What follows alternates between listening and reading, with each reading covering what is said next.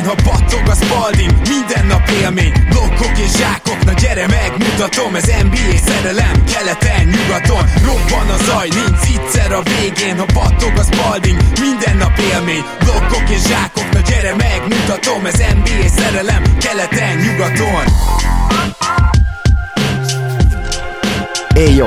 Szép jó napot kívánunk mindenkinek, ez itt a Rap City keleten-nyugaton podcast, a mikrofonok mögött Zukály Zoltán és Rédai Gábor. Szia Zoli! Szia Gábor, sziasztok, örülök, hogy itt lehetek. Ma egy elég érdekes adással készültünk, ha már így megígértem, de mondjuk az ötletet azt mástól vettük, erre mindjárt kitérek, mindenek előtt azonban Zoli, ha minden igaz, már előkészített egy random number generator-t, és ez azért kell, mert hogy egészen konkrétan 304-en támogattok minket Patronon, amit szeretnénk megköszönni minden hónapban, és ebben a hónapban pont a, a legértékesebb ajándékkal tesszük ezt, illetve annak kisorsolásával, ugyanis most meszt lehet nálunk nyerni, és ezt a meszt pedig valaki mindjárt megnyeri, akit kisorsolunk, de addig elmondom, hogy ha akartok minket támogatni, ugye ez nem kötelező, patreon.com per keleten nyugaton itt tehetitek meg, havi akár egy dollártól. Zoli, szerintem akkor sorsoljunk, tehát 1-től 304-ig kell majd állítanod a kritériumokat, és e között a 304 támogatón között valakinek most lesz egy meze. Be is állítottam a random.org oldalon, most megint nem jött fel valamire Google, de mindegy. A minimum ugye egy, maximum 304,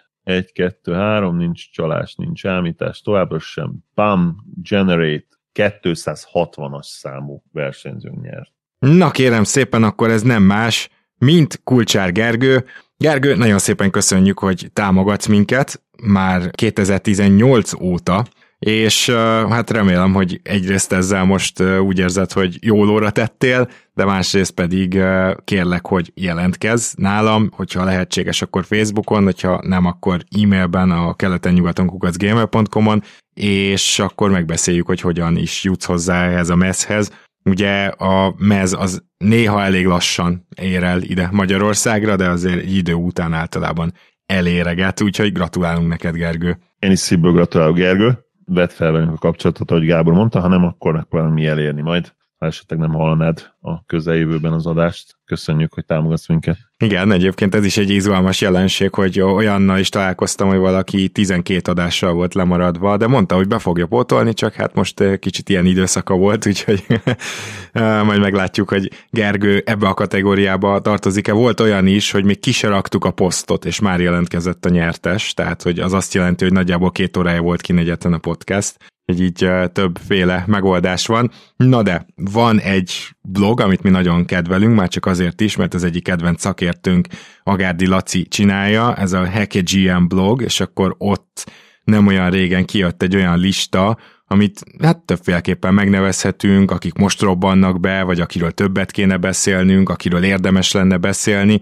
pár játékossal jelentkezett Laci, és gondoltam, hogy ebből bizony lehetne egy adást csinálni, mert nyilván főleg azóta már bőven bővült is ez a lista. Úgyhogy vettem a bátorságot, és meghívtam Agárdi Lacit hozzánk, a kezdőt, újságíróját, a Hacke GM blog szerzőjét. Szia Laci!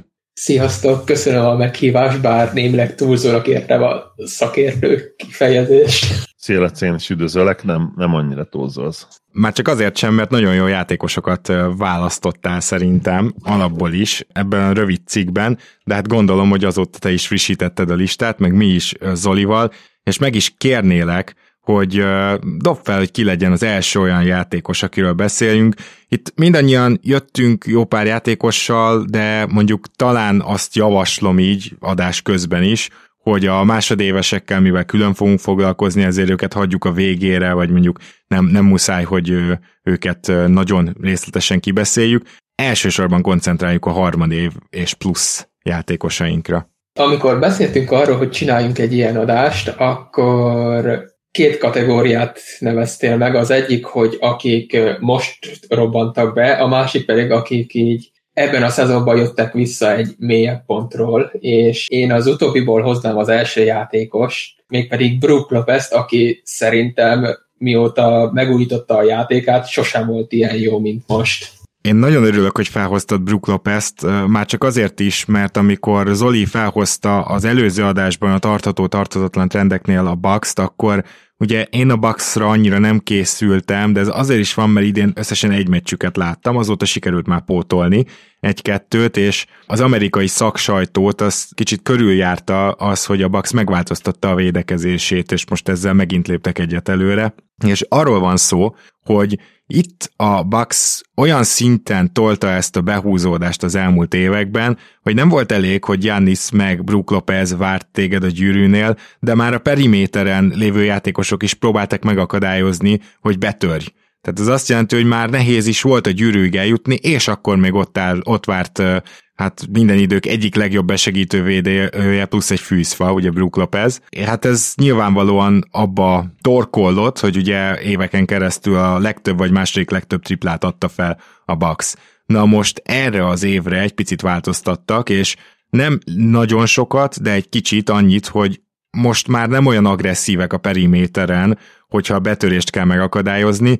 Nem azt mondom, hogy befele terelik az embereket, de egyértelmű, hogy most jobban kint maradnak a periméteren lévő játékosok, és ez azzal jár, hogy több dolga van Jánisznak, és főleg több dolga van az ugye dropback magasnak, Brook Lopeznek és ezt a több dolgát, ezt fantasztikusan oldja meg, egészen odáig mentem ugye előző adásba, hogy azt mondtam, hogy ha így marad a védekezésük, akkor Brook Lopez-t az évvédője játékos díjra jelölni kéne, vagy legalább beszélgetni róla.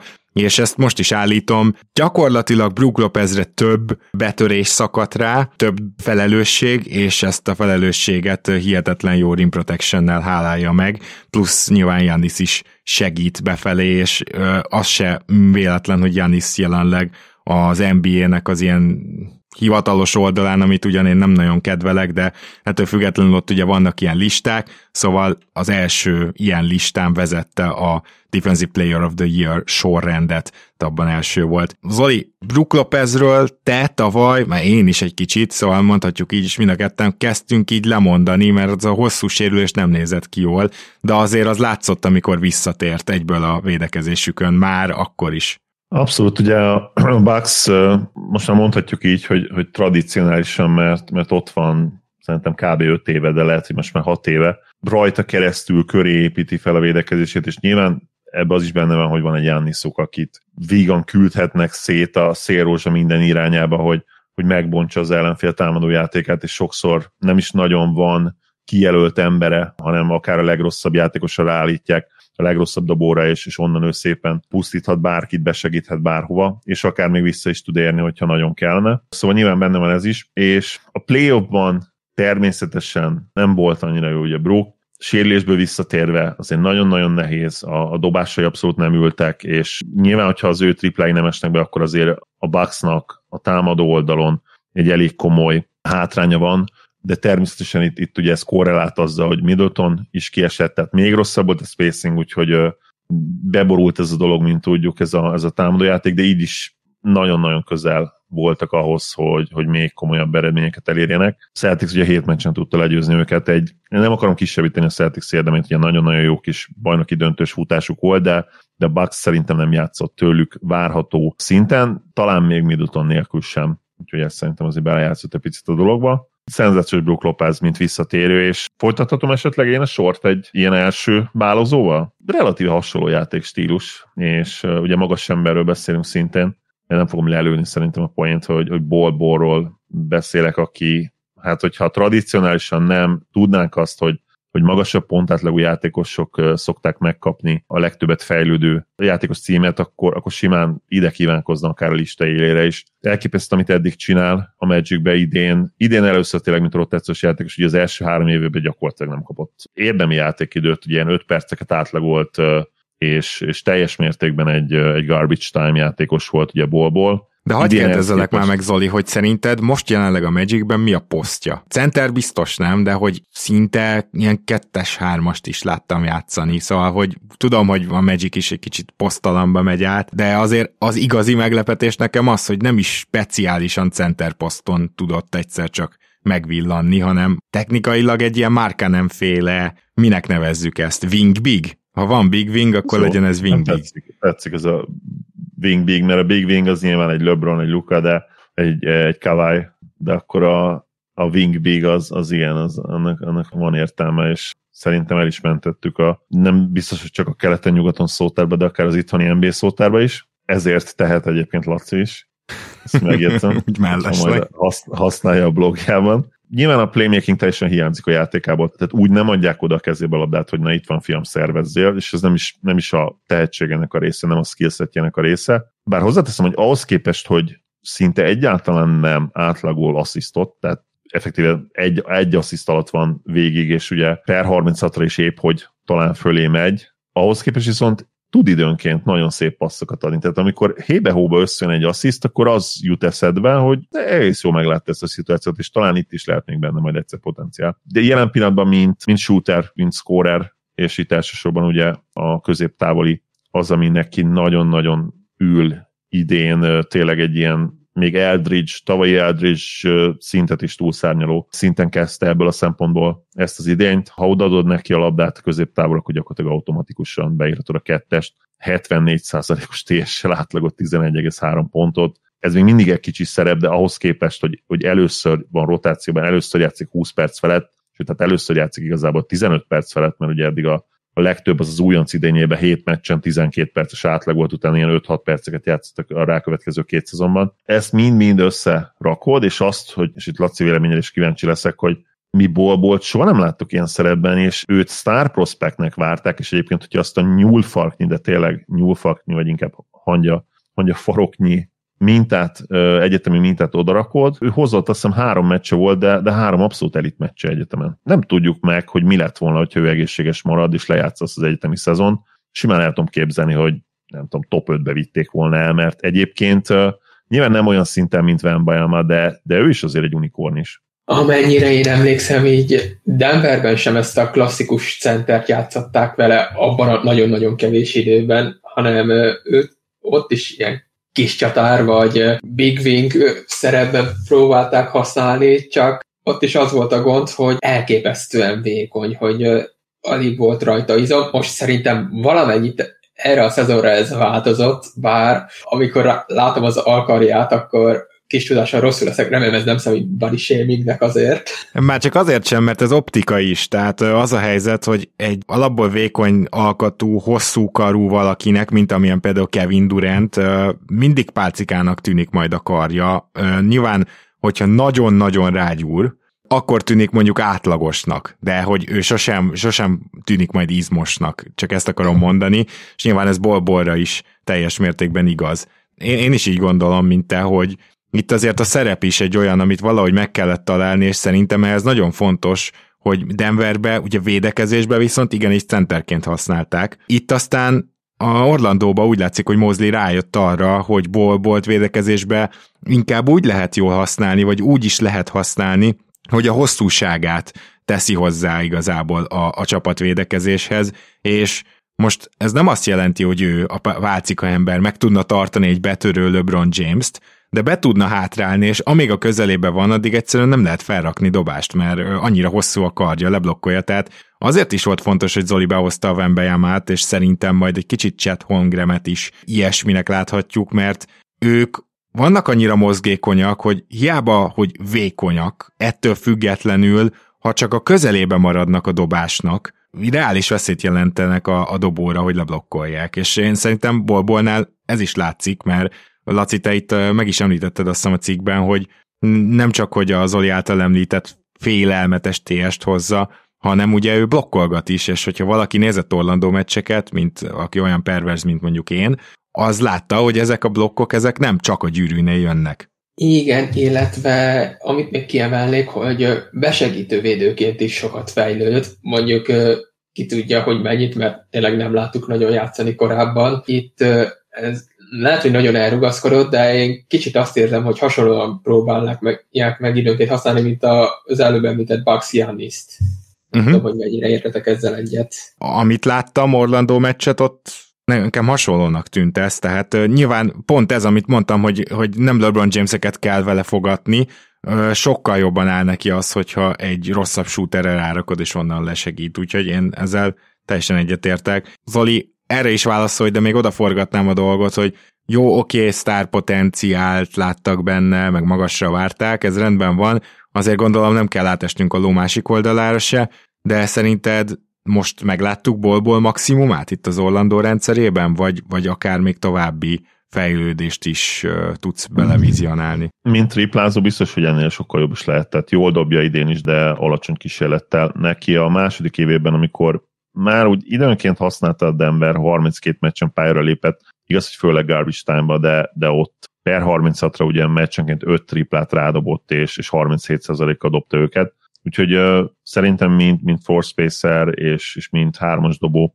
még abszolút van benne potenciál. Nyilván itt a kulcs az, hogy, hogy egészséges tud maradni, és hogy a 22 percben lehet 25 perc mondjuk jövőre, 25-ből esetleg 28, és nyilván ott már a maximum a közelébe lenne, ami, ami a fizikai, fizikai terhelhetőséget illeti, és per 36-ra ugye tudjuk, hogy, hogy a első szezonjában is elképesztő számokat hozott már az újon CV-ben, és most nyilván ezek már azért visszamentek ilyen, ilyen emberi szintre, hogy többet játszik, de még mindig nagyon-nagyon jó a per 36. Tehát ő három dolgot egyértelműen tud. Scoring, gyűrű levédése, ugye a dobás blokkolás elsősorban is, hogy mondtad, nem csak feltétlenül a gyűrű közelében, és lepattanózás. Ő egészen jól lepattanozó, nem elit, de, de jó helytáll ezen a fronton is. Tehát azért ez egy értékes játékos, én azt gondolom. Nehezen tudom elképzelni, hogy ő valaha kerülhet olyan szintre fizikálisan, és itt, itt lehet, hogy egy picit több izom is kellene azért, hogy egy kicsit talán robbanékonyabb legyen, ugye a, a szombizmait, a fenékizmokat, ugye azok adják a robbanékonyságot, ezért, ezért látjuk azt, amikor például egy sprinter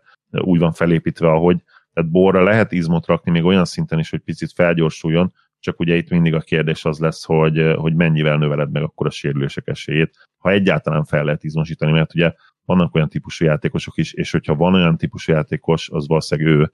Ugye KD is bár raktak rá izmot az évek során, de, de mindig volt egy maximum plafonja, ami, ami sokkal alacsonyabb ebből a szempontból, mint, mint egy olyan játékosnak, mint nem tudom, egy, mint egy LeBron volt, vagy, vagy nem feltétlenül kell a, a világ szuperatlétáját mondani, hanem, hanem egy, mondjuk egy Kawhi Leonardot, aki szintén vékony volt, és nem LeBron, de, de azért elég durva mennyiségű izmot rá tudtak pakolni az évek során. Szóval nyilvánvalóan itt azért van egy genetikai plafon is, ami, ami egyszerűen nem teszi lehetővé, hogy, hogy őt valaha úgy igazán felizmosítsák de valószínűleg nem is akarnák, ahogy mondtam, mert, mert az már egyértelműen növelni a sérülés veszélyt is. Karandozzunk el a kukoricamezők közepére az Indiana Pacershöz, és nem csodálkoznék, hogyha esetleg akár három játékost is hoztatok volna valamilyen kombinációba tőlük, de nyilván Jalen Smith szerintem mindhárman felírtuk. Én őt szeretném, hogyha elővennénk, de azzal a kis kiegészítéssel, hogy aki most találkozna Buddy Hill-del, az nem ismerné föl Buddy Hieldnek a védekezése az évekig a liga legrosszabbja volt. Egyértelmű és látványos a fejlődés. Én szerintem Carly iszonyatosan jót tett neki. Ezen kívül pedig támadásban szerintem elkönyveltük egy őrült dobógépnek, és nyilván nem lett teljes párfordulás, de azért Buddy Hield playmakingben aktívan hozzátesz az Indiana Pacershez, ezt a mondatot én nem láttam magam előtt jönni. Szóval, ha Hieldre még majd ki akartok térni, akkor kérlek mindkettőtöktől tegyétek meg, de Jalen Smith az, akiről azért is érdemes beszélni, mert a Phoenix Suns gyakorlatilag nem adta meg neki a lehetőséget, majd azt mondta, hogy az opcióját se érvényesíti, hogy tizedik választott volt, ezért ezt ne felejtsük el. Azt hiszem, hogy a Suns ezt egyrészt bánhatja, bár nyilván, tehát nélküle is elég jók, nem pont a Sunsra akarom ezt kiegyezni, de másrészt pedig az Indiana Pacers azt mondhatja, hogy ők szereztek egy jó játékost, akit később vagy egy cserében tudnak értékre váltani, de ne felejtsük el, hogy Jalen Smith még mindig viszonylag fiatal, 22 éves csak, tehát akár bőven ennek a kornak a, a cserecentere vagy cseremagasa is lehet. És hogy milyen típusú játékos ő? Hát egy ilyen Jaren Jackson Jr. light, tehát egy triplázni is képes, szorgalmas, magas, aki egészen jól védekezik. Elég látja ez akkor Jalen Jackson Jr.-nak, ahogy így leírtam, de azért ne felejtsük el, hogy Jalen Smithnek veszélybe volt az NBA karrierje a Suns második év alatt egészen biztos, és én azt mondanám, hogy idén Indiánába abszolút megszolgálja még négyes poszton is mert szerintem ő neki talán a végső posztja inkább center lesz, de még négyes poszton is megszolgálja a pénzét, és egyszerűen az a szolid játékos, aki valószínűleg, amikor az Indiana esetleg bajnok esélyes lesz, vagy, vagy contender, pár év múlva akkor nem lesz ott a kezdőben, de szerintem megtalálták hosszú távon a cseremagasukat. Mit szólsz ez, Aci?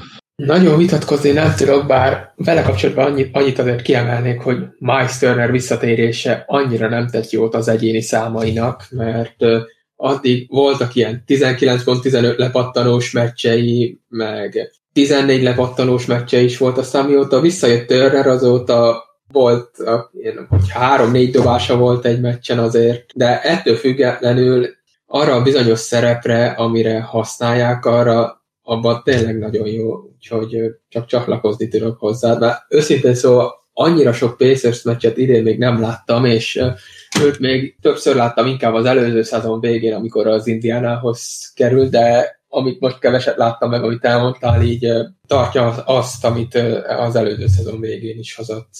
Zali, kérlek reagálj akkor akár rá, de akár Hildre is. Nem tudom, hogy bármelyiküket esetleg felírtad a listádra. Én nem írtam fel őket, Hild nyilván jó visszatérő, tehát az tény. Jalen Smith igazából azért nem írtam fel, mert ahogy, ahogy itt Laci utalt rá, ő azért a csere után ugyanezt, vagy még jobb teljesítményt is hozott ugye tavaly az a 22 meccsen, tehát úgymond mi már akkor szerintem őt felfedeztük, és nem idére került be a rotációba, mert idén valljuk be, tehát a, a Pacersnek nem kimondva, de hát az a célja, hogy, hogy azért minél magasabb droppiket megszerezzenek, bár ugye ebbe picit bele mókol nekik Maturin, aki, aki egészen elképesztő módon játszik, meg nyilván Halliburton is, aki szintén szenzációsan kezdte a szezon. Na de egy szó, mint száz, róla azért már nagyjából tudtunk, tehát ő nem, nem idén csatlakozott a rotációhoz, hanem ugye tavaly már 22 meccsen, és gyakorlatilag ugyanezeket a számokat hozta, csak még jobban is triplázott, ami, ami megdobta kicsit a pontátlagát. De egyébként, ha egybe gyúrjuk a tavalyi szezon végét a mostani szezon kezdetével, és így esetleg egy e, ilyen nagyobb mintaként kezeljük, akkor, akkor valóban egy olyan játékos, aki a mai paramétereknek azért megfelel. Laci, akkor kérlek, hogy nevezd meg egy újabb játékost, akiről mostanság érdemes lenne beszélni. Szeretném, ha Memphis felé vennénk az irányt, és én, mikor múltkor írtam még össze a listámat, akkor Santi Aldamát jegyeztem fel magamnak elsőnek, de én azt szeretném, hogyha inkább Desmond Bainről beszélnénk, és arról, hogy megint tudott fejlődni, és hogy úgy tűnik, hogy a játék szervezése is olyasmi, amire lehet építeni. Úgy fogalmaznék, hogy a Grizzlies nem csak, hogy meglátta azt, hogy ezt a gyereket csak azért nem viszi el senki, mert hogy jaj, rövid a karja, ami nevetséges, de tényleg így volt. Becseréltét a 30. helyen, tudták, hogy jó shooter, hanem azt is gondolta a Memphis, hogy megnézi azt, hogy ebből a játékosból mit lehet kihozni, ezért egy teljesen jól szervezett, jól látható programot visznek vele végig. És nyilván ennek az első jele az volt, amikor első éves kora után a Summer League-ben a kezébe adták a labdát, hogy tessék irányíts. Nyilván akkor még nem ilyen szinten volt, mint most, de teljesen tudatosan gyakoroltatták ezt vele, az előző évében már több labdát kapott a kezében, hogy fejlődjön, és idénre pedig még többet. Tehát nagyon látszik az, hogy itt játékos fejlesztés folyik. Egy. A második pedig az, hogy Desmond Bain, hogyha a Grizzlies top 4-be végez, akkor Jamorant mellett is all lehet szerintem ezzel a mostani teljesítményével. Úgyhogy harmadéves, úgyhogy 30. választott volt, tehát egy egészen félelmetes tündérmese van kibontakozóban, és nem is tudom, Zoli, azt hiszem, Bény, te odasoroltad, ugye, azok közé, a játékosok közé, akik a, a most körjék után jövő érának a legjobb triplázói lehetnek. Hát az, hogy ugye Morentet nem lehet egy az egybe összehasonlítani Curryvel, amikor a Grizzlies Warriors ilyen párhuzamokat nézzük, mert teljesen más a játékstílusuk, de Desmond bain már jobban össze lehet hasonlítani Clay Thompsonnal, és uh, szerintem nem is kell rögtön hozzátennünk sikongatva, hogy jaj, de hát uh, Clay minden idők másik legjobb shootere, úgyhogy nem lehet hozzá hasonlítani, mert így az első három évét nézve, hát közel van hozzá. Mint triplázó, nem kérdés, tehát ugye 43 kal dobott már az újon szezonjába, négy kísérlettel, erre tudott rátenni még egy kicsit, ugye 43,6% majdnem 7 kísérlettel, a második évben, és, és jelen pillanatban 46%-kal triplázik majdnem 9 kísérlettel. Tehát szerintem most megnézzük volumenre, talán Curry, aki ilyen 10 körül vállal, és 45% körül van. Nyilván Curry-t kihozhatod csak erre a szezonra is, mint legjobb, de Bain nem lehet rosszabb, mint második helyzet mögötte. Ma, nyilván magasabb százalékkal vannak még játékosok, de, de hát messze nem ennyi kísérlettel, úgyhogy a, Azért az ennyi kísérlet az önmagában árulkodik arról, hogy nem csak kecsensútokról van szó. Aki esetleg nem nézne Grizzlies meccset, most megfordítom, aki lenne olyan pervers, hogy nem néz Grizzlies meccset, Igen, mert ugye egy kihagyhatatlan dolog, de hát itt már visszalépős tripla, pull-up tripla, itt már minden van. Igen, és nyilván az all státusz nem lesz egyszerű, de igazából abban a szempontból lényegtelen is, hogy, hogy ő egy all szintű játékos idén eddig egyértelműen. Hogy most ténylegesen kiválasztják-e vagy nem, sérülések mindig vannak, tehát szerintem be fog kerülni még úgy is, hogy, hogy nyugaton azért rengeteg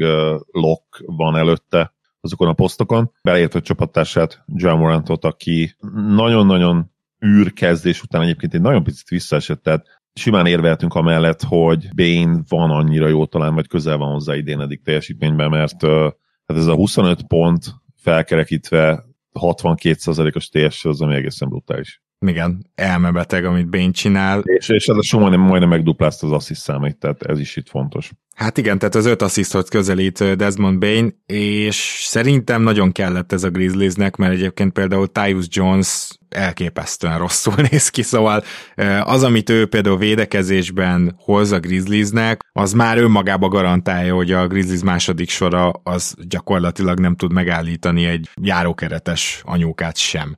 Na most nem akartam megsérteni a járókeretes anyukákat természetesen. Viszont azért Bényre nagyobb felelősség hárul támadásban, meg Morentre, azért nekik is jót fog tenni az, hogyha Dion Brooks már kezd visszatalálni, mert ő teljesen vakon volt a szezon elején, és hogyha JJJ meg Zaire Williams, akire szintén egy hasonló programmal egyre több labdát akar bízni a Grizzlies, ha ők visszajönnek, akkor ez jót tehet, még annak ellenére is mondom, hogy ez azt is jelenti majd szerintem, hogy Morent számai talán egy picit, Bain számai akár jobban visszaesnek. Legalábbis mondjuk kevesebb kísérlete lesz. Mindenképpen a betöréseknél. Tehát én azt gondolom, hogy az, hogy Bain eldobjon 8-9 triplát meccsenként, az a Grizzlies elemi érdeke. Zoli, te is hoz nekünk kérlek egy játékost. Laci említettem el, egyébként én voltam annyira balfék, hogy nem olvastam a cikkét, tehát mondjuk oké, okay, bolból nem volt nagy találat, tehát uh, saját kútfőből is őt hozni, ez tényleg nem, nem volt egy nagy nehézség. Viszont Aldánát már említette, de én ennek ellenére ki akarok térni rá, mert uh, rá is abszolút igaz a, a mai paraméterek, hogy hogy egy olyan játékos, aki eddig nem igazán volt rotációban, hogy ő nem volt rotációban, 11 percet átlagolt tavaly, spot perceket, ahogy mondani szokták, és, és nagyon sokszor ugye már eldőlő meccseken. Na ehhez képest idén ugye kezd konkrétan, és nem elég, hogy kezd, mert még az is lehetne, hogy, hogy ő ilyen kis hát bedobjuk, bedobjuk kezdőként, szimpatikus gyerek, de úgy le fogjuk hozni, ugye tudjuk, hogy van ilyen az NBA-ben azért pár ilyen játékos, ő nem, ő, ő legit kezdő, és, és 20, majdnem 30 percet játszik, 27 percet, ami azért egy én azt gondolom, hogy, hogy, egy, hogy egy edzői bizalmat fejez ki egyértelműen, és Jenkins úgy gondolja, úgy érzi mindenféle szempontból, hogy, hogy Aldána fejlődött annyit védekezésben, és ez volt itt a kulcs,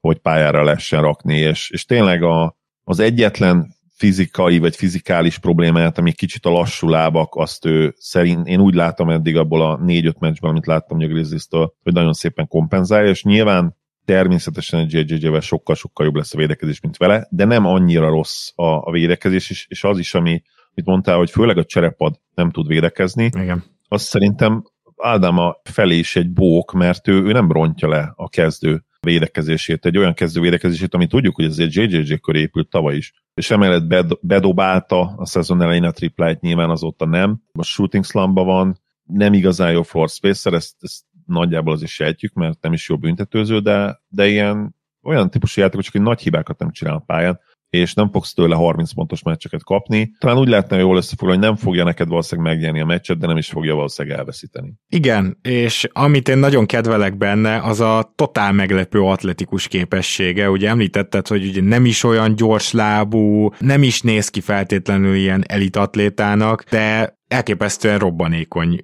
hogyha ugrásról van szó, szóval nagyon kevés játékostól látjuk el rendszeresen azt, hogy miután átvitte a gyűrű alatt, háttal bezsákolja. Tehát nem, nem visszarakja, vagy ilyenek, hanem konkrétan bezsákolja, és ő nála ez ilyen négy meccsenként megismétlődő jelenet. Úgyhogy ez egy ilyen nagy kedvenc Aldama sztorim, hogy őt azért is érdemes nézni, mert néha látsz ilyen teljesen ez meg honnan jött kategóriájú jeleneteket vele kapcsolatban. Laci? Zoli így szinte szó szerint felolvasta a jegyzeteimet. Akkor jó. Nem tudom, hogy ezek egyébként a blogpostban megtalálhatóak-e, de esküszöm nem olvastam a blogposztot, de, ami mondom de, az én szegénységi bizonyítványom. Ne, nem, nem azt a jegyzetemet, hanem ja, amit szuper, így most magamnak. Azt meg, azt meg végképp megértem, hogy nem, nem jártam a lakásodban, Laci, esküszöm.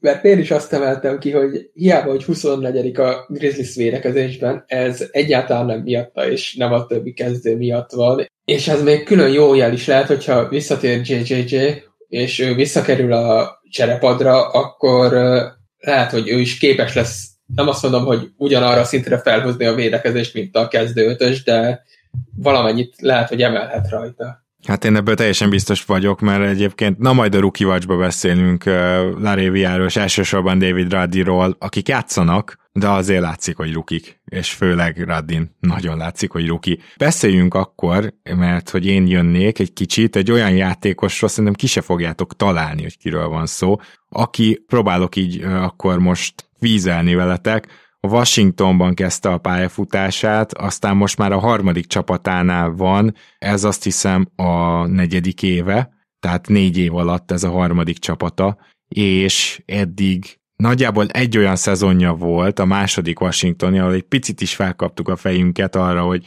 nézd már, ez a csávó ugyan nem igazán jól dob, de azért a játék többi elemében, és főleg védekezésben egészen hasznos. És aztán utána rossz teljesítmények jöttek, és idén egy olyan csapatban találja meg magát, amelyik hihetetlen nagy szenvedést mutat be, és ennek a csapatnak az egyik stabilabb, viszonylag stabilabb pontja. Na, kiről van szó? Én, én felírtam magamnak őt, úgyhogy kicsit okay. csalás lenne, ha én akkor, elmondom. Akkor hagyj vagy válaszoljon, hagyj válaszoljon Laci. Hogy ő kitalálja. Nincs esetem sajnos. Akkor Zoli, tiéd a pálya. Troy Brownról van szó, akit, akivel én úgy ismerkedtem meg Troy Brown Juniorral, hogy, hogy ő az elején Danny Avdiával kicsit ilyen competitionbe volt, és nem volt biztos benne az ember, hogy Danny tud-e majd játszani miatt, aztán tudott. És volt egy pont, ahogy kiemelted a második washingtoni szezonja, ahol rendkívül ígéretes játékosnak tűnt, és egy sokoldalú játékosnak tűnt. Tehát egy olyan, olyan Igazából nem is alulméretezett Trollben, ez nem jó szó rá, mert kis csatárként egy picit igen, ugye 198 centi, de, de elég hosszak a karjai, nagyon, nagyon, nagyon atletikus játékosról beszélünk, és... Igazából és izom, izom is van rajta rendesen, izom szóval... is van rajta, abszolút, és a, ebben a bizonyos második szezonjában azért nézett ki annyira jól, illetve azért nem voltunk biztosak abban, hogy Danny mennyit játszott, azt hiszem 20-21 volt az első ugye az újonc éve Dannynek, és, és előtte Brown egy, egy hihetetlen jó sophomore szezonba jött tényleg, tehát 10 pontot átlagolt, 6 lepattanott, majdnem 3 asszisztot, egy feletti stealt, és 34%-a triplázott, ami nem volt rossz floor spacing, ugye majdnem három kísérlettel. Tényleg egy olyan játékosnak tűnt, akibe, akibe investálni fognak. És valamiért lehet, hogy részben Danny miatt is egyébként nem kapta meg utána a, a lehetőséget annyira Washingtonban, nem cserélték el azonnal, de utána egy idő után igen, és ment a Chicagóba, ott nem tudott abszolút a rotációba se nagyon belépni az első évben. A másodikban úgy nagyjából, de, de soha nem játszott 20 perc közelében újra, egészen az idei évig, és most úgy néz ki, hogy, hogy ő bizony, hát beírhatjuk legalább a következő 3-4 évre az NBA-ben, mert a nagyon-nagyon kevés üdes színfoltja, sőt, van egyáltalán rajta kívül üdes színfoltja, emlékeznek, de lehet, hogy nincs Nehéz, nehéz ő, lenne amúgy ma idén. Ő, ő az egyetlen talán, de, de ő tényleg az. Nagyon-nagyon jó játszik, és nem, nem hogy rotációs ember, hanem gyakorlatilag kezdő sok meccsen, úgyhogy, úgyhogy le a kalappal, és, és ő most úgy néz ki, hogy megmenti az NBA karrierjét elég, elég, elég egyértelműen. Ja, szerintem tök jó sztori az övé, vagy tök jó sztori van itt kibontakozóban, úgyhogy majd biztosan azért monitorozni fogjuk, de akkor Laci hozzád dobnám itt a beszélő labdát, vagy hogy hívják ezt, úgyhogy szorongasd meg, és mondj nekünk egy nevet. Gyorsan még kicsit reagálnék Troy Brownra, mert gondolkod, mert az, az a vicces, hogy gondolkodtam azon, hogy behozzam őt, vagy esetleg Lonnie Walker, de én mindkettőjük esetében azt érzem inkább csak, hogy azért hoznak relatíve jó számokat, mert sok percet játszanak, és az ellenfelek védekezései azt akarják, hogy inkább ők dobáljanak, és ne James vagy Davis. Aztán lehet, hogy csak a szokásos lékes szkepticizmuson beszél. Nyilván az, ez benne van, tehát az, az még ma is azért egyértelmű, hogy bár LeBron egyébként, és erről is beszéltük, egy külön adás is lehetne, hogy hát ez az első olyan szezon, ahol tényleg elgondolkodunk azon, hogy na most, na most érte előtt idő apó, vas karja, vagy karma, és tényleg nem néz ki jól idén LeBron. Kedvetlennek is tűnik, mentálisan nincs ott, de ami mondjuk teljesen értető lenne. Tehát, tehát ne legyünk naivak. LeBron a megkérdőjelezhető dolgok mellett ő tényleg egy kosárlabda géniusz. Ne legyenek kétségeink, ő pontosan átlátta már a training camp alatt, hogy ennek a csapatnak semmi esélye nyerni. Tök mindegy, hogy mit nyilatkozik utána előtte. Egy ilyen játékos, akinek tényleg a kis súlyában van az összes játékhívás, akinek ráadásul ugye tudjuk, hogy ilyen, ilyen fotografikus memóriája van majd, hogy nem. Pontosan tudta, hogy kik a csapattársai, pontosan tudta, hogy hogyan játszottak tavaly, pontosan tudta, hogy kiket, kiket engedtek el, kiket küldtek el, és lehet, hogy ennek egy része az ő, ő egójának a hibája, aho, ahová jutottak most, de, de afelől ne legyen kétségünk, hogy pontosan tudja, hogy ez, ez a keret mire lehet elegendő, és hiába mantrázza magának a dolgokat, ettől még, ettől még nem hülye ez a csávó, és, és pontosan tudja. És visszatérve a, a témánkra, meg uh, Troy brown persze ez nyilván benne van, tehát függetlenül ettől, hogy visszaesett ő is, és Davis sem az igazi, még mindig nyilván inkább Troy Brown kezébe látod a labdát, mint a, mint a két szupersztár kezében. Ezzel is egyet tudok érteni, és akkor, hogy hozzak egy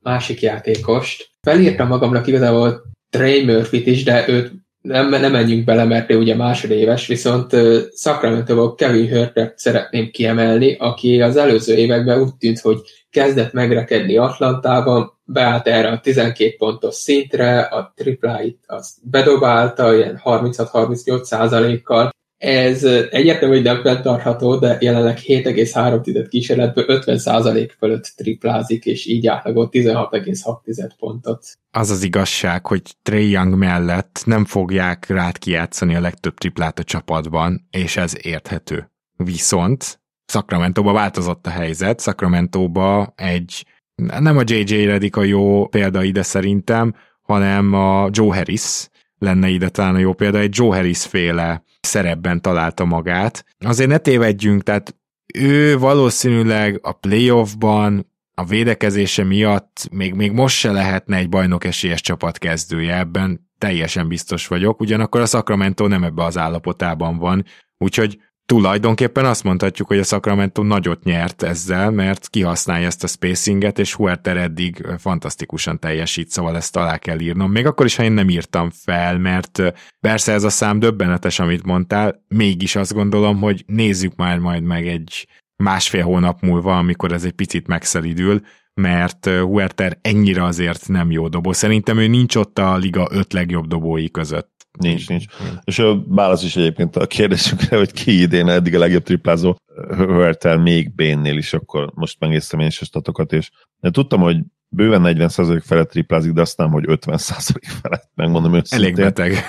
Eléggé beteg, 7,3 kísérlettel, igen. Úgyhogy eddig idén valószínűleg ő a liga legjobb triplázója, mert uh, ilyen számokat Steph se hoz szerintem, bár ő 10 körül, most gyorsan meg fogom nézni, hogy ha már beszéltünk arról, akkor nézzük meg jól lehet, hogy Steph még nála is őrültem. Steph. Igen, 43%-a triplázik Steph, de mondjuk 12 kísérlet, tehát azért plusz 5 kísérletnél nyilván, meg, meg persze, mert tudjuk, hogy ő minden idők legjobb dobója, azért Steph-et raknám idén is első helyre, és utána viszont akkor valószínűleg jönne Hörter, és utána Bén. De azt tuti, hogy Hörter tényleg támadásban elképesztő, a kérdőjelek vele kapcsolatban ugyanúgy megvannak, amit mondtál Gábor, de én egyébként én már az Atlanta is nagyon-nagyon szerettem őt, és azzal nem feltétlenül értek egyet, hogy, hogy ő nem lehetne bajnokcsapat kezdőjátékosa, nyilván azért specifikusan kéne körülvenni őt. Legalább kellene tényleg egy két elit periméter védő mellé, és akkor egy small ball line én látom őt, mint, mint potenciális bajnoki ötös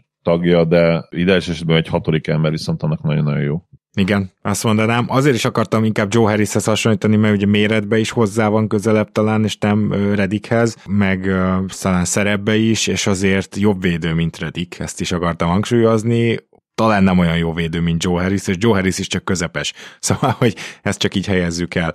Viszont hoznék most egy olyan játékost, aki ennek az adásnak az anti-játékosa, akiről azért beszéltek itt az amerikai médiában, főleg a szezon kezdet során. Hát legalábbis előfordult a neve, ő Jalen Novel, hogy majd ugye ő lesz a Minnesota packórere, és én azért érdemes erről beszélni, mert a minnesota nem nagyon van más, úgyhogy ugye Malik Beasley is belekerült abba a bizonyos cserébe, és hogy ez mivel jár? Hát ez azzal jár, hogy Jalen Novelnek megadták a, zöld jelzést, és Jalen Novel ezt, hogyha csak simán ránézünk, azt mondjuk, hogy hát 12 ponttal hálálja meg. Wow, harmadéves játékosról van szó, bocsánat, negyedéves játékosról van szó, már tavaly is egy ilyen pontszerző csere volt, aki gyakorlatilag semmi másban nem tesz hozzá, azért van némi playmakingje, tehát amikor ennyit van egy játékosnál a labda, akkor azért néha kirepül egy-egy assziszt, most 2,4-et átlagol, és ugye arra szeretném felhívni a figyelmet, hogy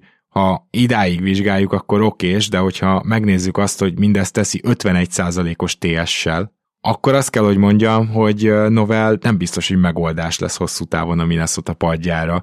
Amely csapat így is szenved, amely csapat eddig nagyon nem áll össze, de a padja az pedig különösen érzékeny arra, hogyha egy játékos csak dobálja, és csak dobálja a labdákat rossz hatékonysággal. Az egész Timberwolves eddig egy olyan benyomás kelt, mint amikor van egy angol, vagy amerikai mondás erre ez a azt hiszem Island of Misfit Toys, tehát hogy olyan játékok, amik nem illenek össze, vagy olyan, olyan formák, amik nem illenek össze. Abszolút jellemző az eddig rájuk, és, és nyilván a kezdő sem működik, nem csak a pad. Abból a szempontból értem, amit mondasz, hogy kell keresni nyilván a kispadnál is probléma forrásokat is valóban, ahogy mondtad, Novelnek a, a camp alatt is olyan szerepet szántak, ami, ami ennél jobb teljesítményt jósolt vagy jelzett, és azt is hozzá kell tenni, hogy, hogy ő azért már a negyedik évére ebben a csapatban, úgyhogy, úgyhogy azért a sophomore és a, és a harmadik évében stabilan kapott ilyen, ilyen 18 perc körüli játékidőt, ennél azért jobb teljesítményre lehetne képes egy olyan csapatban, amelyik tele van tényleg támadó fegyverekkel, és, és a dobásai nagy része, ahogy néztem én is,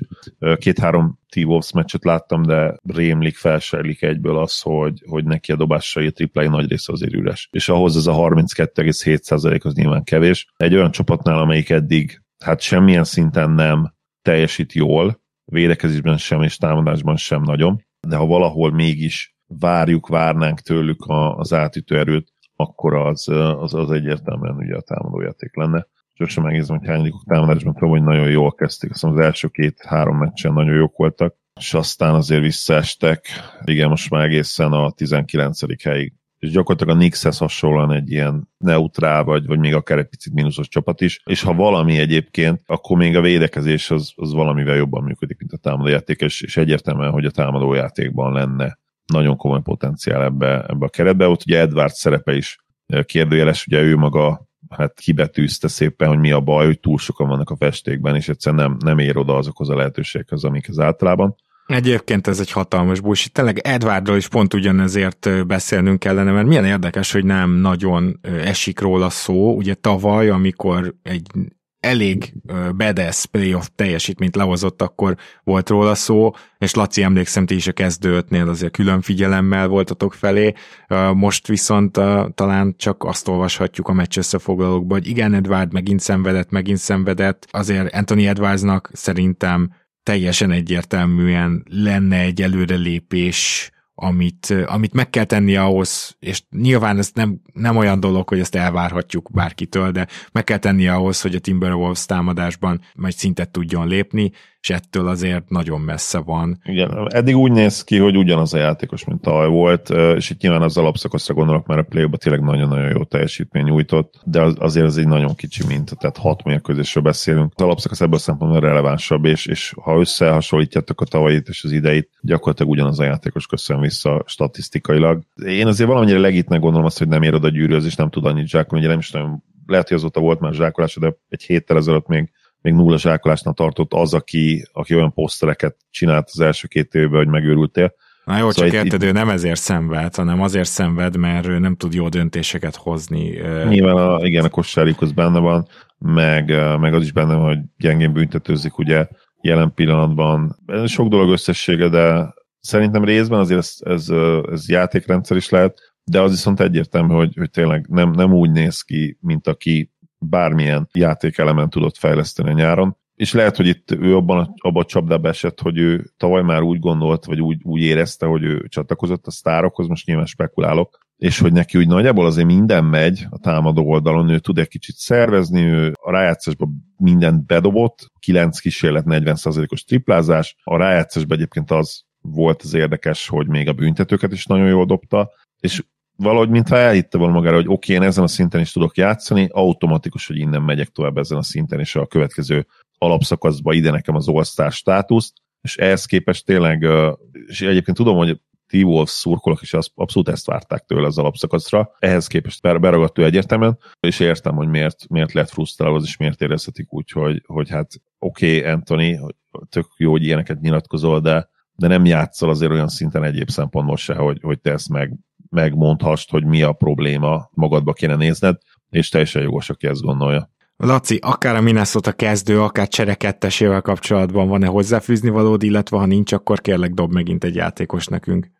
Szerintem amit kellett, azt igazából elmondtátok, mert tényleg Edwardsnál amúgy tényleg szép, hogy mondja, hogy elrontotta a nyarát, meg rosszul épített tömeget, rosszul szeret fel magára súly, de mentálisan is azért vannak ott gondok. Viszont akivel most szerintem nagyon nincsenek mentális gondok, és már valamennyire tavaly, de idén igazán kivirágzott, és illik is róla beszélni, az Lauri Markanen, aki letudott nyáron egy remek Európa-bajnokságot, és ugyanazzal a lendülettel megkezdte a szezont is, és szerintem egyszerűen muszáj beszélni, hát úgy általánosságban a jazzről is, de mivel ő a legjobbjuk róla, mert eddig ez az idei szezon legjobb sztoria.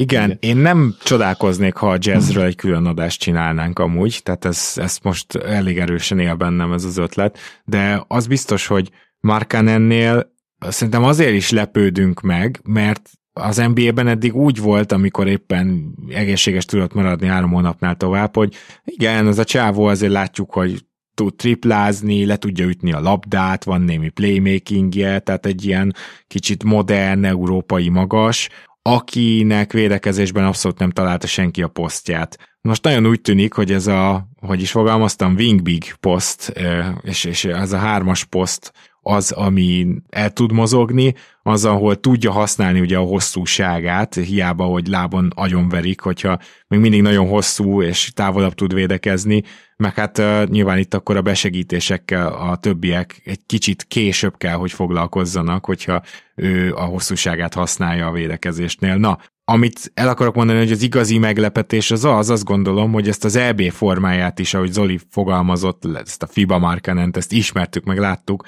hogy ezt viszont tovább tudta hozni, mert Chicagóban korábban kapott már nagy usage és most sincs akkora fantasztikusan magas usage százaléka, hogy azt mondjuk, hogy, hogy itt csak arról van szó, hogy sokkal többet engedhet meg magának, meg sokkal többet dobhat. Nem, Markenen tényleg konkrétan most virágzott ki úgy, úgy a potenciájának megfelelően. Igen, itt igazából tényleg az a meglepő, hogy, hogy ezt tudta hozni tudja hozni eddig az NBA-be. Hozzáteszem, hogy én azért lennék óvatos még, mert nem fogom tudni megmondani, hogy melyik évben, de volt neki egy olyan szezonja, amikor ugyanígy indult az első 10 plusz meccsen Chicagóban, és azt mondtuk már, hogy hoppá, megérkezett Lori FIBA Superstar Markenen, aki, aki tényleg már ha jól emlékszem, a 17-es elbén 20 évesen egészen elképesztő teljesítményeket rakott le az asztalra, de az NBA-be valahogy nem volt rossz játékos, mert tényleg nem lehet azt mondani Lori Markenen, hogy egy rossz NBA játékos, hát 16 pontos karrier átlaga van,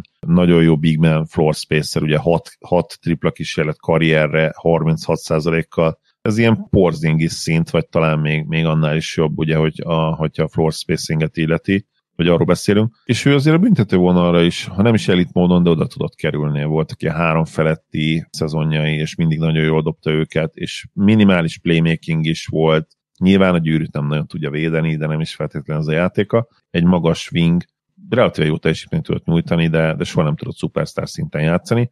Most nem feltétlenül igaz, de most stabil all szinten van, és én mondom, tényleg csak azért várnék még egy picit ki, mert élénken él, él az emlékezetemben, hogy ő kezdett így Chicago-i szezont, amikor mindenki csetintett, és azt mondta, hogy na végre megérkezett az játékos, akit, akit az EB-kkel a nemzetközi tornákon látunk. Nem tudom, Laci, te szeretnél-e más jazzjátékosról beszélni? Ha igen, akkor, akkor tedd nyugodtan, de én még Jordan Clarkson szeretném megemlíteni. Egyrészt teljesen egyetértek azzal, ami elhangzott Zolitól, hogy Markenen esetében azért még a nyugtával dicsérjük a napot. Másrészt nekem a jazz legnagyobb meglepetése az, hogy az egyébként rossz védőnek és tipikus hatodik ember, pontgyárosnak elkönyvelt Jordan Clarkson bekerül a kezdőbe, jobban védekezik, jobban támad, jobb a playmakingje, élete szezonját hozza simán eddig. Na most ez is kis minta, de azért nála ez már nem igazán volt benne a pakliban, legalábbis én abszolút meglepődtem. Én sem láttam már ezt benne, és ezzel párhuzamosan azt is megemlíteném, hogy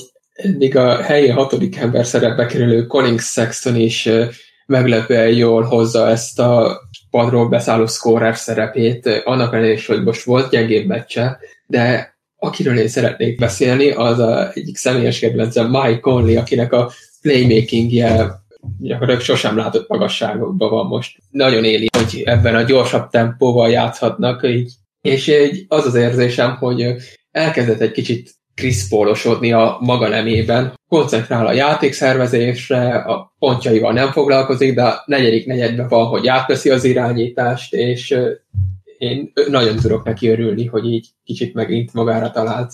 Memphisben annó volt egy olyan beceneve, hogy Mr. Fourth Quarter, szóval, hogy azért a negyedik negyedekben, és a, főleg a clutchban az, hogy ő elkezd teljesíteni, az tőle nem idegen. Én nekem is, és Zolinak is mellesleg tudom, az egyik kedvenc ilyen irányítónk szerettük volna többször csapatainkba látni, illetve nekem volt is ugye szerencsém neki drukkolni Memphis mezben. Szóval igen, nagyon jó látni azt, hogy egyrészt végül erre a projektre tudjuk, hogy van akodva mele, és nyilatkozta, de igent mondott, oké, okay, rendben csináljuk, akkor mégse cseréltek el, vagy mikor cseréltek már el, és aztán utána pedig már azt is lenyilatkozta, hogy most, most nagyon éli ezt, az, hogy kicsit rohannak, azt, hogy ő ezt szervezheti. Beszéltünk arról az előző adásban, hogy a jazz egyelőre nagyon sok fluk tényező van, ami miatt ennyire jók. Az egyik az, hogy elképesztően dobnak, és közben az ellenfelek meg elképesztően rosszul dobnak ellenük, vagy, vagy meglehetősen rosszul. Emiatt nyilván még Kálli esetében is azt mondom, hogy várjunk egy kicsit, de szerintem tök jó ezt látni, és abban is reménykedek, hogy tud megint egészséges maradni. Majd Kálira is reagálj Zoli, de beszéljünk már röviden OG Anunobiról, mert ő az az játékos, akinek, hogyha ránézel a statisztikáira, akkor nyilván lesz egy dolog, ami elképesztően kiemelkedik, de egyébként azt mondod, hogy hát nagyjából hasonló a tavalyihoz, ugye ugyanúgy 17 pont környékén átlagol, picit kevesebb asszisztal, egyel több lepattanóval, mondjuk az, hogy 40%-kal triplázik idén, az elég jól néz ki ott kísérletből, és ő korábban is, tehát a, az előző szezonnak a triplázása, az, az nála a legrosszabb volt konkrétan. Nem, bocsánat, még volt egy rosszabb, de de az előző szezon 36%-a az nála nem számít éppen jónak, és most 40%-kal triplázik eddig, azt hiszem 58%-os TS, de hát ugye ami egészen extra az a 3,1 stíl. 3,1 labdalopás, és a labdalopás százalékban is vezeti egyébként a ligát, nem csak ebben. Oji Ananobi, mint védő démon, korábban is emlegettük őt, beszéltünk róla, de amit idén csinál, az instant beemeli őt a liga legjobb védői közé, mégpedig szerintem jelen pillanatban azt mondanám, hogy talán a második legjobb védő Jannis után az én listámon. Szóval ő benne ez a potenciál mindig megvolt, tudtuk, hogy jó védő, sosem esett nagyon vissza, de amit idén csinál, az egészen félelmetes. Konkrétan a csávó közelében kb. félnet kell leütni a labdát. Hihetetlen a csávó, tényleg ugye ez egyik kedvenc nem Mavericks játékosom, és mindig elmondom, vagy nagyon sokszor elmondom, neked privátban is elmondtam, már sokszor meg, meg az adásokban is, hogy ha választhatnék nem superstar wing védőt, free and játékost, akkor ugye OG lenne Mavs-be. Elképzelni is félelmetes, hogy mi lenne, ha mondjuk egy Reggie Bullock helyett most egy OG Anonobink lenne, lehet, hogy nem azt mondom, hogy top esélyes lenne Mavericks, de, de ott lenne egyértelműen szerintem a két-három legnagyobb esélyes között. Mindegy, fog még a mavericks is beszélni majd idén úgyis. OG-ban azt szeretem nagyon-nagyon, hogy folyamatosan fejleszti a, a támadó játékát, annak ellenére, hogy nyilván őt, őt azért a védekezése miatt szeretjük elsősorban, de, de minden évben hozzá tudott rakni egy kicsit a játékához. Már az újon CV-ben ő igazából jó dobó volt, de folyamatosan a playmakingét fejlesztette, ugye az elején ez teljes mértékben hiányzott gyakorlatilag a játékából. Igen, na ő az a ritka játékos, aki a totál nulláról fejlesztett ki némi nemű playmakinget, itt azért nem kell arra gondolni, hogy ő pick and roll indít, de mondjuk Persze. egy lerohanásban már tök ügyesen passzol, vagy egy cutot Igen, meglát. Jól, jól megtalálja. A, abban is nagyon sokat fejlődött egyébként szerintem, hogy, hogy odaérni a gyűrűhöz, nem csak elméleti szinten, de gyakorlati szinten sem lesz ugye fő ballhandler, nem ez a játéka, bár soha nem mondta, hogy soha, tehát igazából 25 éves, tehát még akár mindig lehetséges. Az nem emlékszem, hogy Middleton azért 25 évesen valószínűleg már előrébb járt sokkal. Előrébb azért, igen. igen, és igen. többet odaadták a kezébe a labdát, de még ha ez hiányozni is fog a játékából, ő annyi mindent hoz, annyi minden mást hoz elit szinten, beleértve ugye a triplázást is most már, hogy tényleg egy, egy borzasztóan értékes embere, egy, egy olyan sötét lócsapatnak is, mint a Raptors, de nyilvánvalóan egy, egy, egy abszolút elit alapszakasz és, és playoff esélyes csapatban meg, meg aztán még inkább kijönne az értéke. Kálnira nem feltétlenül szeretnék visszatérni, szerintem mindent elmondhatok. Valóban az egyik kedvenc játékosunk volt az évek során, és, és jó látni azt, hogy, hogy még mindig hasznos tud lenni, és ebben a mentor szerepben nyilvánvalóan, ha nem tudnánk, hogy miket nyilatkoznak le róla, ugye Clarksonék, Sextonék, akkor is tudnánk, hogy nyilvánvalóan milyen, milyen szerepe van ebben a történetben, ami persze nem fog ezen a szinten maradni, tehát nyilvánvalóan nem fog 60 plusz meccset nyerni a Utah Jazz, már elnézést, hogyha már most lelőjük a poént, és spoilerezünk, de hát pluszos mérleggel, senki, senkit nem sokkal szerintem ezek után pluszos mérleggel végeznének, tehát 50% felett, akár ilyen 45-46-41 győzelemmel. Meglátjuk nyilván korábban még. Igen, itt adásidőnk vége fele közeledünk, úgyhogy egy-egy játékos csak dobáljunk be, és röviden egy-két-három mondattal indokoljuk Igen. meg. Bár lehetne Scottie Pippen juniorról beszélni, de, de egy másik juniorról, egy másik korábbi NBA kiválóság fiáról kell helyette beszélnünk, ez pedig ugye Kenyon Martin Jr., aki már tavaly is jó teljesítmény nyújtott egyébként egyénileg, de idén még több játékidőt kap, most már 25 perc fölé vitték az átlagát, és nagyon-nagyon jó floor spacer, majdnem négy tripla kísérletből 36% felett van, 50% felett a mezőnyből, oda is tud érni nagyjából a büntetővonalra 2,4 kísérlet, ez, ez nem annyira rossz, hogy per 36-ra ez, ez majdnem 4, és van egy kis játékszervezés is. Ő egy, ő egy olyan játékos, aki, aki szintén azt gondolom, hogy az NBA-ben lesz 10 évig legalább. Őt én is felírtam, úgyhogy akkor én is mondanék egy ilyen nagyon gyors nevet, majd csekkoljátok, hogy ki az a Jordan Goodwin, meggyőződésem, hogy fogalma sincs a hallgatóság felének legalább, és mindezt úgy mondom, hogy a mi hallgatóságunk valószínűleg rengeteg NBA nerdből is áll. Jordan Goodwin egy olyan játékos, aki tavaly kapott egy tíznapos szerződést a Washington Wizards-tól, meg velük dolgozott az egyzőtáborban, aztán kirakták, aztán idén megint kapott egy szerződést, csak most benn maradt, és most kapott egy two-way szerződést, és hogy miért beszélek róla? Azért, mert jelen pillanatban uh, Wright sérülésével ő játszik, és oké, okay, mondhatjuk, megvonhatnánk a vállunkat. Mi van ebben? Hát uh, ugye kell egy cseréirányító, és hát ő van ott, de hát nem csak ő van ott, hanem Johnny Davis, akit a tizedik helyen draftoltak. És az, hogy Goodwin játszik, és jól és korrekt számokat hoz, jó kis csere irányítónak tűnik, az pont ezért durva, hogy ő two játékosként előbb játszik, mint az egyébként hozzáteszem katasztrofálisan kinéző Johnny Davis, de, de akárhogy is van, ez mégiscsak egy nagyon nagy szó szerintem, és azt mutatja, hogy ez a bizonyos Jordan Goodwin, tehát nem a, a régi Goodwin, hanem az új, hát ő lehet, hogy ezt a two szerződést ezt több mint meg fogja szolgálni, és nem csodálkoznék ezek után, hogyha a Washington esetleg bejelenteni azt majd, hogy rendes szerződésé átkonvertálja ezt. Én nem írtam fel, miért gyorsan vissza átadom Lacinak a szót, de, de sajnos friss trauma kapcsolódik hozzá, ugye a Mavericks oh, Zinorba második, hát ilyen előzetesen könnyen nyerhetőnek vélt, várt meccsét buktál, és, és bár nem dobott jól Goodwin, kifejezetten jól játszott ezen a meccsen, hat asszisztot osztott ki, és, és tényleg jól szervezte a, a játékot. Nem vállalt el abszolút hülye dobásokat, négy dob, dobókísérlet. Két dolog tűnt fel vele kapcsolatban.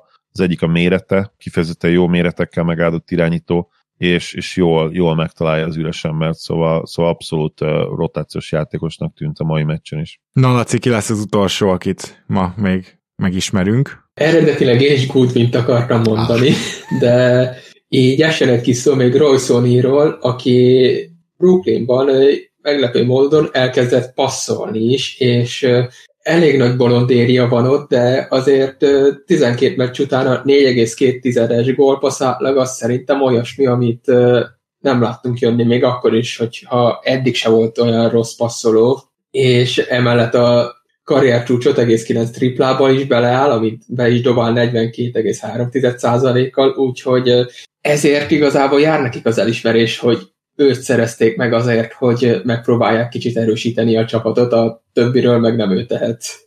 Szerintem ez egy bombasztikus meglepetés, amit ő csinál idén, és nagyon örülök neki, hogy őt még megemlítetted, mert azt már mondtam, hogy kb. a harmadik legjobb játékosának tűnik a Netsnek, de tényleg az, hogy ő, ő honnan szedett elő ilyen ennyi asszisztot, ez már túl van azon, ami csak úgy véletlenül kieshet a kezedből, az egészen félelmetes, és főleg az, hogy tavalyi szezonja, tudom, hogy valami sérüléssel bajlódott, de akkor is úgy tűnt, mintha így elindult volna lefelé a lejtőn, úgyhogy valamit nagyon tudott a Brooklyn, és ne felejtsük el, hogy adott érte egy első köröst, szóval valami olyan kompenzáció ez, ami miatt a jazz is azt mondhatja, hogy hm, jól jártunk. Agádi László, nagyon szépen köszönjük, hogy itt voltál ma velünk, és uh, köszi szépen, hogy a HackeGM blogot is rendszeresen ugye írod, ez, ez nekünk is, és szerintem a, a hallgatóinknak is egy jó szórakozás olvasni, de azt is, hogy időről időre mindig számíthatunk a szakértelmedre. Köszönöm a meghívást, sziasztok! Én is köszönöm, hogy itt voltál, Laci.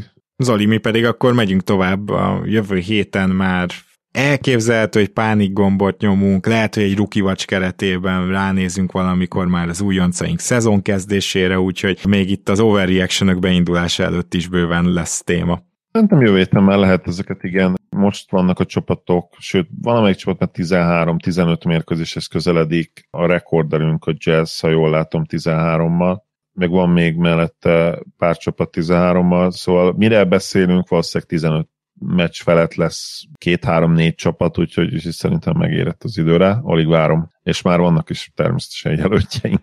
Igen, például a jazznél biztos meg fogjuk nyomni a pánik gombot, de hát ez már így egy van, másik pontosan kérdés. A, a Lakersnél pedig értelmszerűen nem. Na jól van, akkor köszönöm szépen, hogy ma is itt voltál. Örülök, hogy itt lettem. Szia Gábor, sziasztok! Kedves hallgatók, akkor tehát megyünk tovább, és várunk titeket a folytatásban is. Minden jót, sziasztok!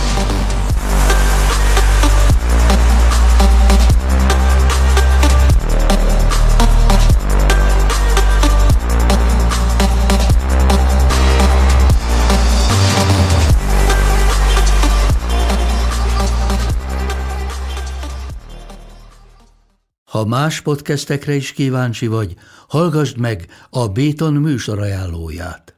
El tudod képzelni, hogy a podcastet, amit éppen most hallgattál, fél év múlva már a mesterséges intelligencia generálja? Mi sem. De ha érdekel, eljötte már a gépek lázadása. Hallgass bele az Embertelen podcastbe. Orsós Lajos vagyok, a műsor házigazdája. Egyelőre még élőben. Egyelőre. Fedezzük fel együtt, hogyan ismerkedik, randizik, mesél és vitatkozik Betty és Péter, két teljesen mesterséges intelligencia. Lajos, a podcast címét mond még egyszer, Léci. Oké. Okay. Embertelen podcast.